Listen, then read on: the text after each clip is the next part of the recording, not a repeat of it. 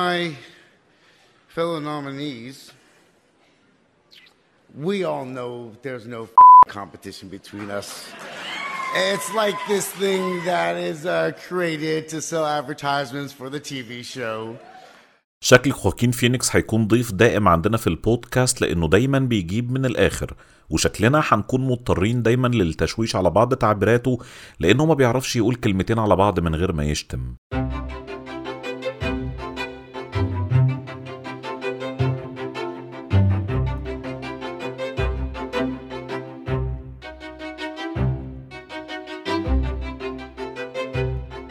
أنا محمود مهدي وده بودكاست كادر السينمائي اللي بقدمه لحضراتكم على منصة معنى الثقافية المهتمة بنشر المعرفة والفنون.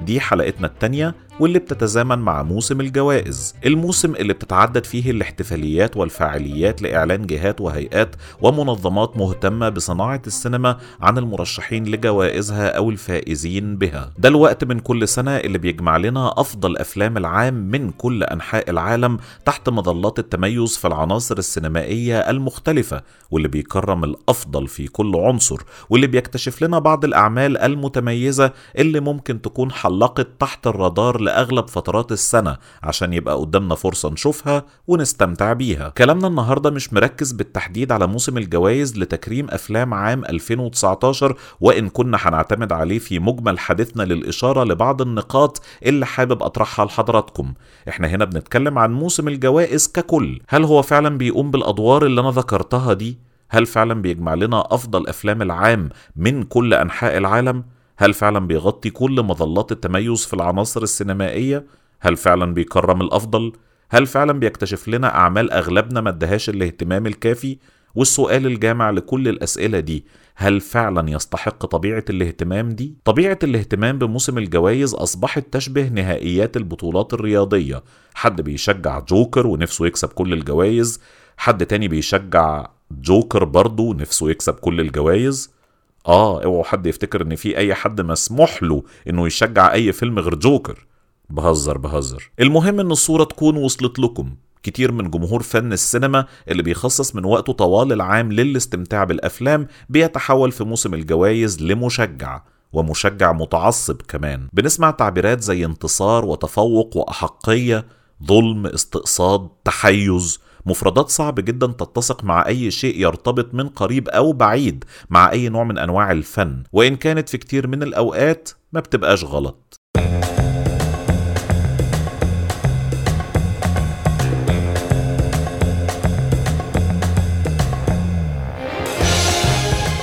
موسم الجوائز هو الفترة بين شهر نوفمبر من كل سنة وشهر فبراير أو مارس من السنة اللي بعدها. دي الفترة اللي بيتم فيها إعلان المرشحين والفائزين لعدد كبير من جوائز السينما الأمريكية. في طبعا احتفالات جوائز من صناعات وأسواق سينمائية أخرى بتقام في نفس الفترة أو في فترات أخرى. لكن اللي بيميز موسم الجوائز المعهود بالنسبة لنا هو احتفالات جوائز السينما الأمريكية. فمبدئيا كده صفة انتقاء الأفضل عالميا مفقودة بشكل كبير من موسم الجوائز ولا تتعدى فئة واحدة. التمثيل الأشهر ليها كان اسمه أفلام غير ناطقة باللغة الإنجليزية في جوائز الأوسكار وأصبح اسمها السنة دي أفلام دولية.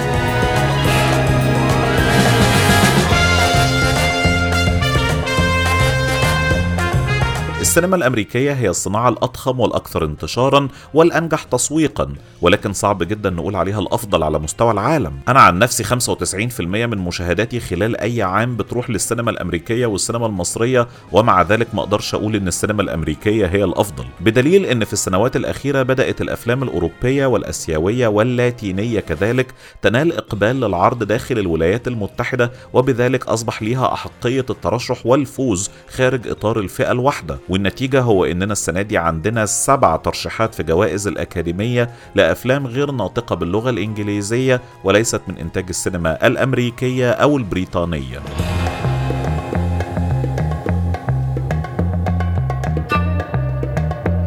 موسمنا السنوي بيبدأ مع جوائز جوثم أو جوائز المحافظين. أيهما يأتي أولا حسب أجندة كل عام. جوائز جوثم قلما تشكل مؤشر حقيقي للجوائز الكبرى في نهاية العام وده لأنها مخصصة للأفلام المستقلة.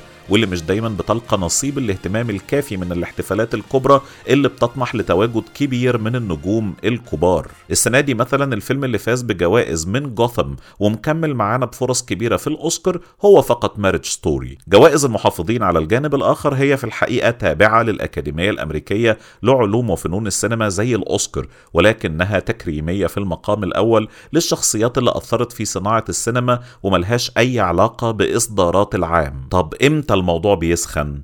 الموضوع بيسخن مع ال Hollywood Awards ودي احتفالية قائمة من 23 سنة وبتقدم جوائز تكريمية في فئات كتيرة متعلقة بشكل مباشر بإصدارات العام وبدون ترشيحات مسبقة من خلال ال Hollywood Awards السنة دي أخدنا أول مؤشر على نجاح آل باتشينو في خطف الأنظار من خلال دوره في The Irishman وكذلك وضح إن في فرصة مش قليلة لأنطونيو بانديرس عن دوره في Pain and Glory. الأمور بتفضل نسبيا هادية في شهر ديسمبر واللي بتقام فيه ثلاث احتفالات للجوائز السينمائية كلها مقدمة من مؤسسات وهيئات نقدية. ال National Board of Reviews وال New York Film Critics Circle وال Los Angeles Film Critics Association بعد كده بتبدا جوائز يناير العديده واللي مع تواليها بترتفع درجه الحراره أكتر وأكتر It's the 25th annual Critics' Choice Awards. Welcome to the 69th annual Golden Globe Awards. And the actor goes to. Now, the award goes to, this is pretty cool.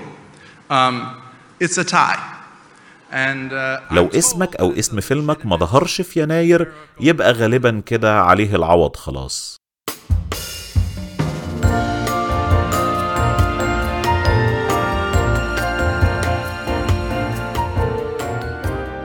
في تقديري الشخصي الجوائز الأكثر أهمية في شهر يناير هي جوائز مؤسسات واتحادات الحرفة السينمائية الواحدة وعندنا من دول اتنين. جائزة اتحاد المنتجين وجائزة اتحاد الممثلين. جوائز محددة ولا يحق للتصويت فيها سواء على مستوى الترشيح أو الفوز إلا أعضاء الاتحاد أو النقابة. وإن كانوا برضو الصراحة عشان يعملوا لنفسهم حدث تلفزيوني يكسبهم وزن وتأثير وفلوس بيحاولوا يكبروا الموضوع بأي شكل. يعني جوائز اتحاد الممثلين أو الساج أووردز بتدي جوائز للأعمال السينمائية وجوائز أخرى للأعمال التلفزيونية وبتدي جوائز لأفضل ممثل وممثلة في دور رئيسي وممثل وممثلة في دور مساند. لحد هنا والدنيا تمام. بس عندهم كمان أفضل بطولة جماعية وأفضل فريق مخاطرات. وبالنسبة للتلفزيون نقسمهم بقى كوميديا ودراما ومسلسلات طويلة ومسلسلات قصيرة إلى آخره. قال يعني لما نحط الأداءات التمثيلية أمام أقرانهم في نفس زمن العمل أو عدد حلقاته أو تصنيفه الرئيسي فكده الحكم هيبقى ممكن والمقارنة هتبقى صالحة. بصراحة يا جماعة أنا قريت كتير وبحثت كتير في كيفية تقييم الأعمال الفنية وحقيقي الموضوع مربك بدرجة أقنعتني بأنه غير ممكن يعني مثلا على مستوى التمثيل ما هو التعريف المطلق للأداء الأفضل؟ هل هو الأقل خطأ؟ ما هو تعريف خطأ الممثل؟ وهل ظهور خطأ الممثل في المنتج النهائي هو مسؤولية الممثل نفسه ولا المخرج ولا المونتير؟ ولو اتكلمنا في مستوى أفلام موسم الجوائز اللي هي محتاج عين مدققة جدا لاستبيان الخطأ والتدليل عليه هنا الأفضلية بتتحدد إزاي؟ الأكثر ابداعا إزاي؟ الأكثر تأثيرا إزاي؟ ده لو أمامنا خمس ممثلين بيجسدوا نفس الدور تحت إيد نفس المخرج من سيناريو لنفس الكاتب في حد يقدر يدعي إنه عنده الحقيقة المطلقة لمن هو أفضلهم؟ طب خلوا التساؤلات دي على جنب دلوقتي وتعالوا نرجع لأجندة الحفلات والسهرات والنجوم والفساتين والمجوهرات والبرامج التلفزيونية والخطب العاطفية والخطب السياسية والخطب المترفعة والخطب الحافظة للجميل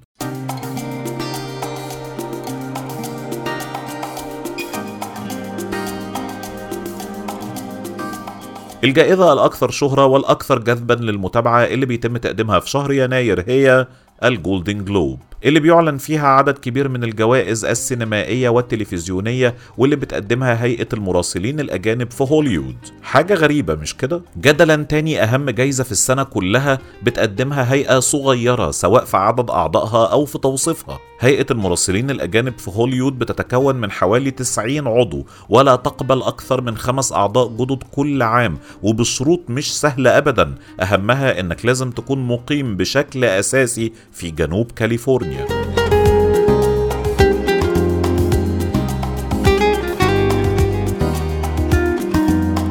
عملية التصويت أو الفوز في ال Golden Globes بتتم باستطلاع الأعضاء المصوتين والأصوات طبعا بيتم جمعها وفرزها وتحديد نتائجها بمعرفة أحد شركات الإحصاء والمحاسبة لضمان نزاهة الاختيارات. بس هو نطاق الاختيارات وتنوعها ممكن يكون حجمه قد إيه ما بين 90 عضو لا يختلف فيهم إلا خمس أعضاء كل سنة أصلا. من المعروف عن ال Golden Globes كذلك إن الفئات اللي فيها هي فقط الأكثر لمعانا. مفيش جوائز تقنية في ال Golden ال Golden Globe زي جوائز التصوير أو المونتاج أو الصوت بينما في عدد كبير جدا من جوائز الممثلين لأنهم بيختاروا مرشحين في فئات الأدوار الرئيسية والأدوار المساندة وفي الكوميديا والاستعراض على جانب والدراما على جانب آخر. وطبعا على مستوى التلفزيون قسم براحتك بقى. دي ال SAG Awards جوائزها تقريبا مساوية لجوائز ال Golden Globes على مستوى التمثيل رغم إن جوائزها كلها جوائز تمثيل وما استجرتش تقسم فئات السينما لما هو كوميدي أو استعراضي وما هو غير ذلك.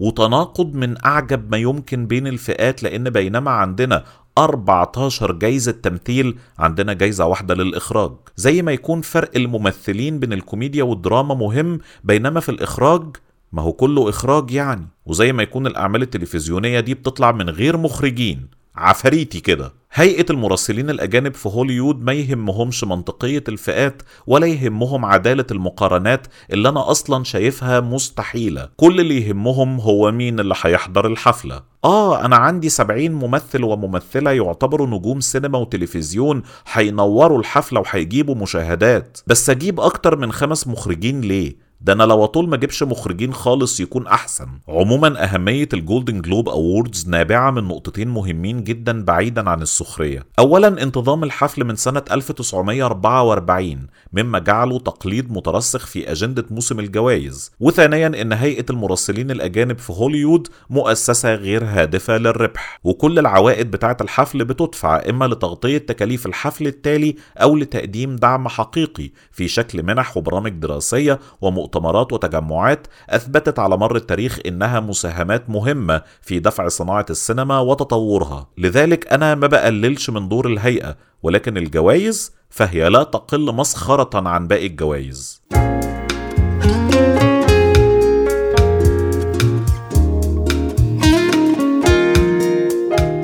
باقي الجوائز بقى بيتم توزيعها كلها في فبراير وفي مارس في بعض الأحيان. على مستوى الاتحادات والنقابات المخصصة لأصحاب الحرفة الواحدة فعندنا جوائز اتحاد الكتاب وجوائز اتحاد المخرجين. وعلى مستوى الجوائز الأكثر أهمية ومتابعة فعندنا جوائز الأكاديمية البريطانية لفنون السينما والتلفزيون أو البافتا وطبعا عندنا جوائز الأكاديمية الأمريكية لعلوم وفنون السينما أو الأوسكار. البافتا كانت من الجوائز الفريدة والمختلفة بسبب تحرر موعدها من الأجندة المزدحمة لموسم الجوائز وبسبب تركيز عدد كبير من فئاتها على السينما البريطانية تحديدا. ولكن مع مرور الزمن طال الجوائز كل شيء تقريبا طال بريطانيا.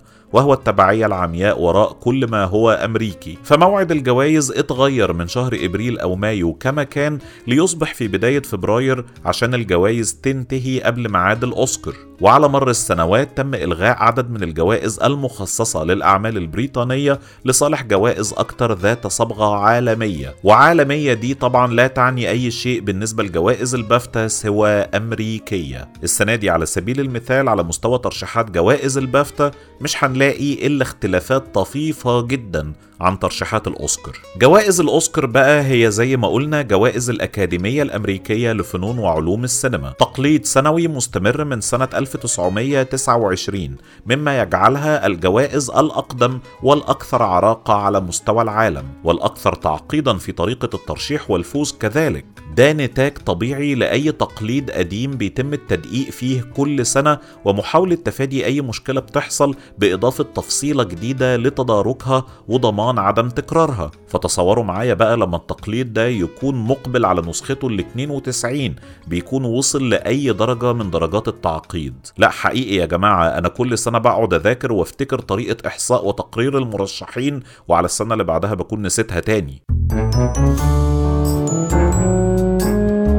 thank you.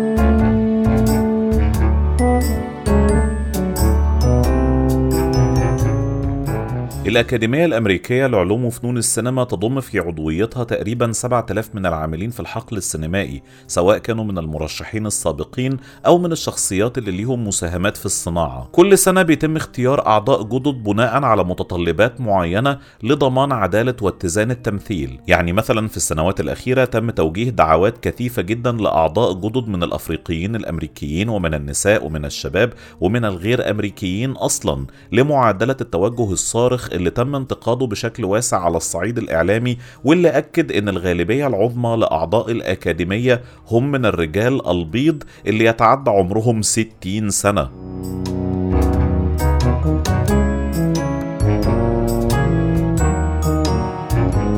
بعد 31 ديسمبر من كل عام بيتم تحديد الأفلام المؤهلة للترشح في جوائز الأوسكار. في أغلب الفئات بيكون ضروري إن الفيلم يكون اتعرض لمدة أسبوع متواصل في لوس أنجلوس ما بين 1 يناير و31 ديسمبر. في بعض الاستثناءات طبعا زي الفيلم العالمي واللي بيكون مطلوب فقط إنه يكون المرشح الرسمي لدولته. بعد تحديد الأفلام وتحديد الأسماء الصالحة للترشيح لكل جايزة بينتقل الأمر لأعضاء الأكاديمية المسجلين تحت نفس فئة الجايزة. يعني المخرجين بتروح لهم استمارات الترشيح في فئة الإخراج مع الأسماء الصالحة للترشيح والممثلين للممثلين والمصورين للمصورين وهكذا.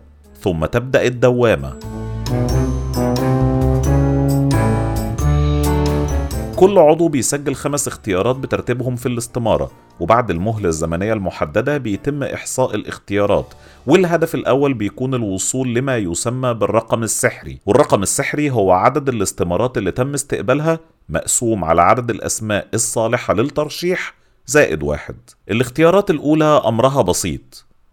نسبيا يعني. وهما اللي حصلوا على المركز الأول في عدد الاستمارات اللي بيزيد عن الرقم السحري. طب واللي ما وصلش للرقم السحري؟ هنا بقى الدوامة تزداد عمقا لأن كل أصحاب الأصوات دي بيتم استبعادهم وكل النقاط اللي حصلوا عليها من حلولهم في المركز الأول بيتم ترحيلها للاختيار التاني في كل استمارة. ولو حد من أصحاب المركز التاني في بعض الاستمارات كان من أصحاب المركز الأول اللي فشلوا في الوصول للرقم السحري الاختيار بينتقل تلقائيا للمركز الثالث وهكذا. مش بقول لكم دوامة. العملية دي بتنفذها وبتشرف عليها شركة برايس ووتر هاوس كوبرز للأعمال الاحترافية وصاحبة المرجعية الإحصائية والمحاسبية في الأساس. ومن خلال العملية المعقدة دي بنضمن خمس مرشحين في كل فئة من اختيار أقرانهم مع الوضع في الحسبان اعتبارات الإجماع والتنوع. الاختلاف بيكون فقط في فئة أفضل فيلم واللي بيصوت فيها جميع أعضاء الأكاديمية. الدنيا بتبقى أسهل بكتير نسبيا برضو بعد إعلان الترشيحات لأن عملية اختيار الفائزين بتتم عن طريق الاقتراع السري لكل أعضاء الأكاديمية. يعني المصورين هم اللي اختاروا المرشحين لجائزة التصوير بس الفائز ما بينهم بيتم اختياره من أعضاء الأكاديمية كلهم. هنلاقي اختلافات طفيفة في العملية في بعض الفئات بس أغلب الجوائز بتتم بالعملية دي. العملية دي على فكرة هي اللي بتشرح ليه ما بنوصلش للعشر ترشيحات في فئة أفضل فيلم. ببساطة لأن الفيلم عشان يترشح لازم يوصل للرقم السحري. هل مع العملية اللي تعتبر بكل تأكيد أعقد من الطريقة اللي بعض الدول بتقرر بيها مين اللي هيحكمها؟ ضمننا صحة الاختيار فنيا وتقنيا؟ بكل تأكيد لأ. ولكن عملنا اللي علينا. وكل اللي علينا ده عمره ما هيكون كافي لتقرير مين الأحق أو الأفضل أو المنتصر فنيا. هي في النهاية عملية تصويت. تصويت من قاعدة واسعة جدا بس تصويت. تصويت من خبراء فقط. بس تصويت تصويت سري وآمن وشديد التعقيد حسابيا ولكنه تصويت.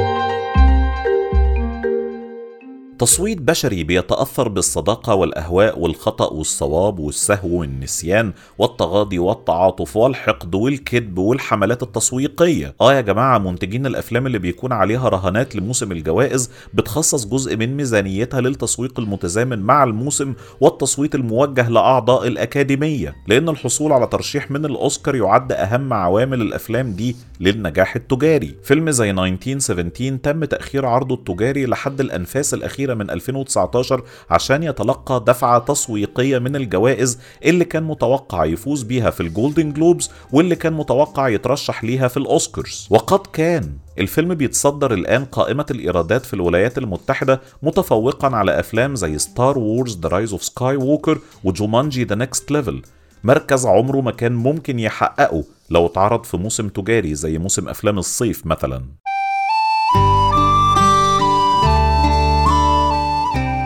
تايتانيك يعتبر المثال الأهم تاريخيا في كيفية استغلال موسم الجوائز لتحقيق أعلى أرباح. الفيلم عرضه بدأ في الولايات المتحدة في 19 ديسمبر سنة 1997 وأداؤه في البداية كان مبهر ولكنه ما كانش يؤشر لمكانة أسطورية يعني. متوسط إيراده كل يوم سبت من بداية عرضه كان في حدود 10 مليون دولار.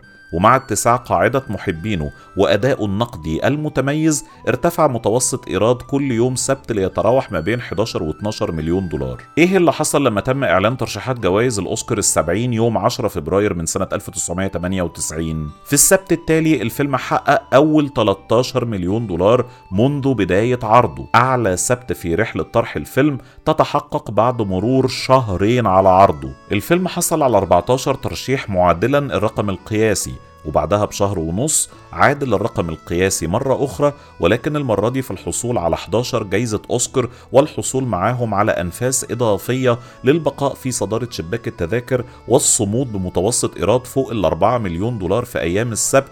بعد ثلاث شهور من بداية عرضه. تايتانيك استمر في صدارة شباك التذاكر لبداية شهر إبريل من سنة 1998 وظل ضمن العشر أفلام الأعلى تحقيقا للإيرادات في عطلة نهاية الأسبوع لحد منتصف يونيو. ليصبح الفيلم الأكثر تحقيقا للإيرادات في التاريخ ويحتفظ باللقب لمدة 12 سنة حتى تفوق عليه فيلم أفاتار واللي بدوره صمد 10 سنوات حتى تفوق عليه فيلم Avengers Endgame ولكن يظل تزامن نجاح تايتانيك مع مجريات موسم الجوائز هو العامل الأبرز في نجاحه الساحق. لذلك أصبحت جملة الفائز أو الفائزة بجائزة الأكاديمية أو حتى المرشح أو المرشحة لجائزة الأكاديمية عنوان فرعي وفي بعض الأحيان عنوان رئيسي لجذب الانتباه لأي فيلم بيتم عرضه. ولذلك شركات الإنتاج والعاملين والمؤثرين في الصناعة وجيش النجوم الأمريكيين بيحرص على احتفاظ الجوائز اللي زي دي بأهميتها ورونقها. حتى مع إيمانهم بأنها قلما كانت تعبير حقيقي عن التميز الفني للأعمال لأنها في النهاية عملية تصويت بشري